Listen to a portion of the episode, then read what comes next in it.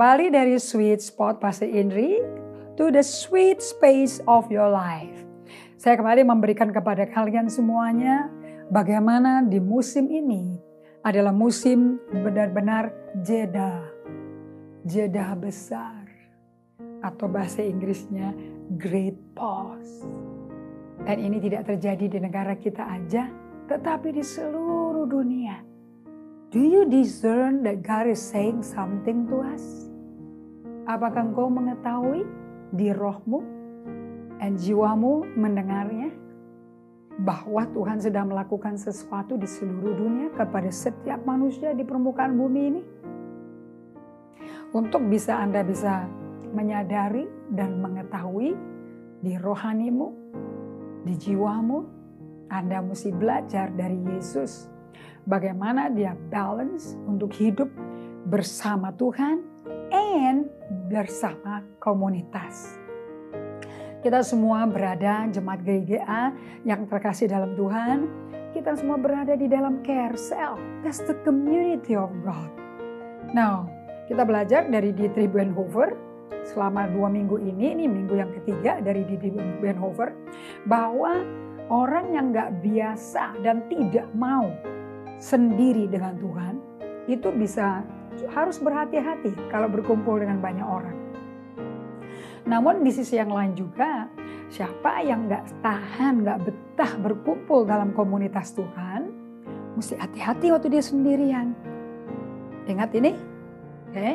Karena kalau Anda itu hidup hanya mandiri, solitary island, you are an island by yourself, you weirdo. Nanti Anda jadi orang nyentrik okay? sekalipun ada sukanya makan sendiri, minum sendiri, tidur sendiri, ngomong sendiri, lama-lama agak weird, you know, kalau ngomong sendiri. Tapi kalau berbicara sama Tuhan itu beda.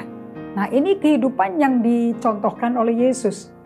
Di Lukas 4 ayat 42 dan 43 dan 44. Ketika hari siang, ini siang bolong saudara, nggak usah waktu gelap-gelapan jam setengah lima pagi.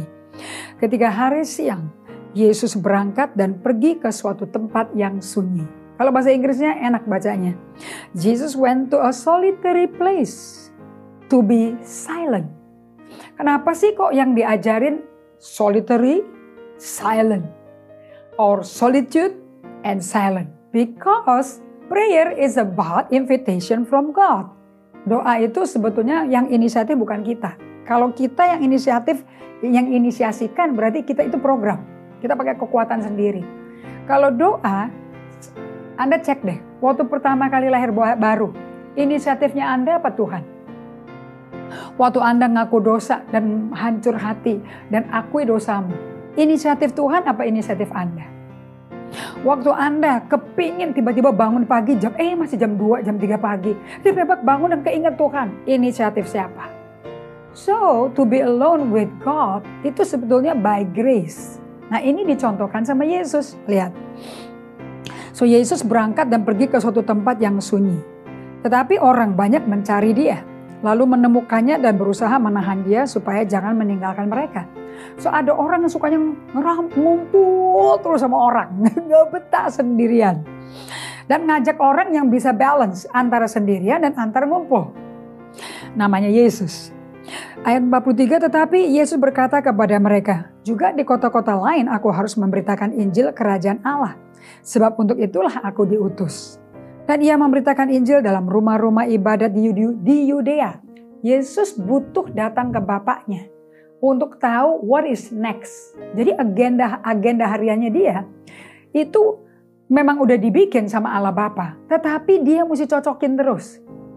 Nah, dari mana Yesus tahu dia mesti ke Yudea? Karena dia ke tempat yang sunyi untuk mendengar. Tuhan Allah Bapa kita, sahabat orang yang sukanya mendengar dia. Tapi Anda nggak bisa dengar kalau suara dari luar dan suara di dalam dirimu itu ramai sekali gaduh sendiri. So Anda mesti belajar pergi ke tempat jauh dari hand, handphone, gadget, orang-orang, dari telepon-telepon. Anda mesti masuk ke tempat di mana Anda nggak bisa nelpon orang dan Anda nggak bisa ditelepon orang. Anda nggak bisa WhatsApp orang dan orang nggak bisa WhatsApp Anda. Oke, okay? Anda mesti berikan that sweet space for Jesus to talk to you. Makanya untuk mendengar dia, kita harus tenang. Kita harus teduh jiwanya. Kalau nggak tenang, nggak bisa dengar. Sebab suaranya dia sepoi-sepoi basah. Oke, okay, so Anda mesti belajar sama Tuhan untuk minta sama Tuhan karunia discernment. Kapan waktu yang cocok untuk sendiri dengan Tuhan? Kapan waktu yang cocok untuk bersama-sama komunitas di dalam uh, persimpangan hidupmu saat ini? Kita semua lagi transisi nih dari biasa ke kantor, di meja kerja kita, colokan udah sedia semua, wifi udah tersedia semua, tahu divisi departemen-departemen dari kantor kita mana, kita udah tahu semuanya. Parkirnya di mana juga tahu. Nggak usah rebutan parkir. Betul nggak Erwin? Kita punya parkir aman. Sekarang mesti balapan parkir.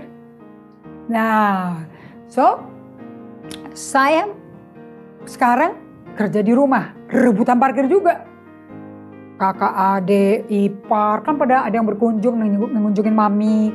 Kan mami saya tinggal sama saya tinggal sama mami saya sih. Bukan mami saya tinggal sama saya. Itu semua kan butuh tempat space lebih besar. Belum tim mujizat kita. Tim AGC Production House. They also need parkiran. Nah kalau diatur waktunya, pasti bisa. Dengan Tuhan, pasti bisa. So Anda minta sama Tuhan, to discern how to arrange the time supaya nggak tabrakan. So Anda bisa minta Tuhan tolong dong bimbing aku, pimpin aku untuk berjalan dalam perjalanan rohani ini supaya aku bisa balance dan bisa mengejar waktu pribadi dengan tenang dengan Tuhan, bisa berkumpul dengan Carousel melalui Zoom dengan dengan balance. Dari Sweet Spot Pastor Indri Gotama, saya meninggalkan sweet space dari rumah kalian. God bless you.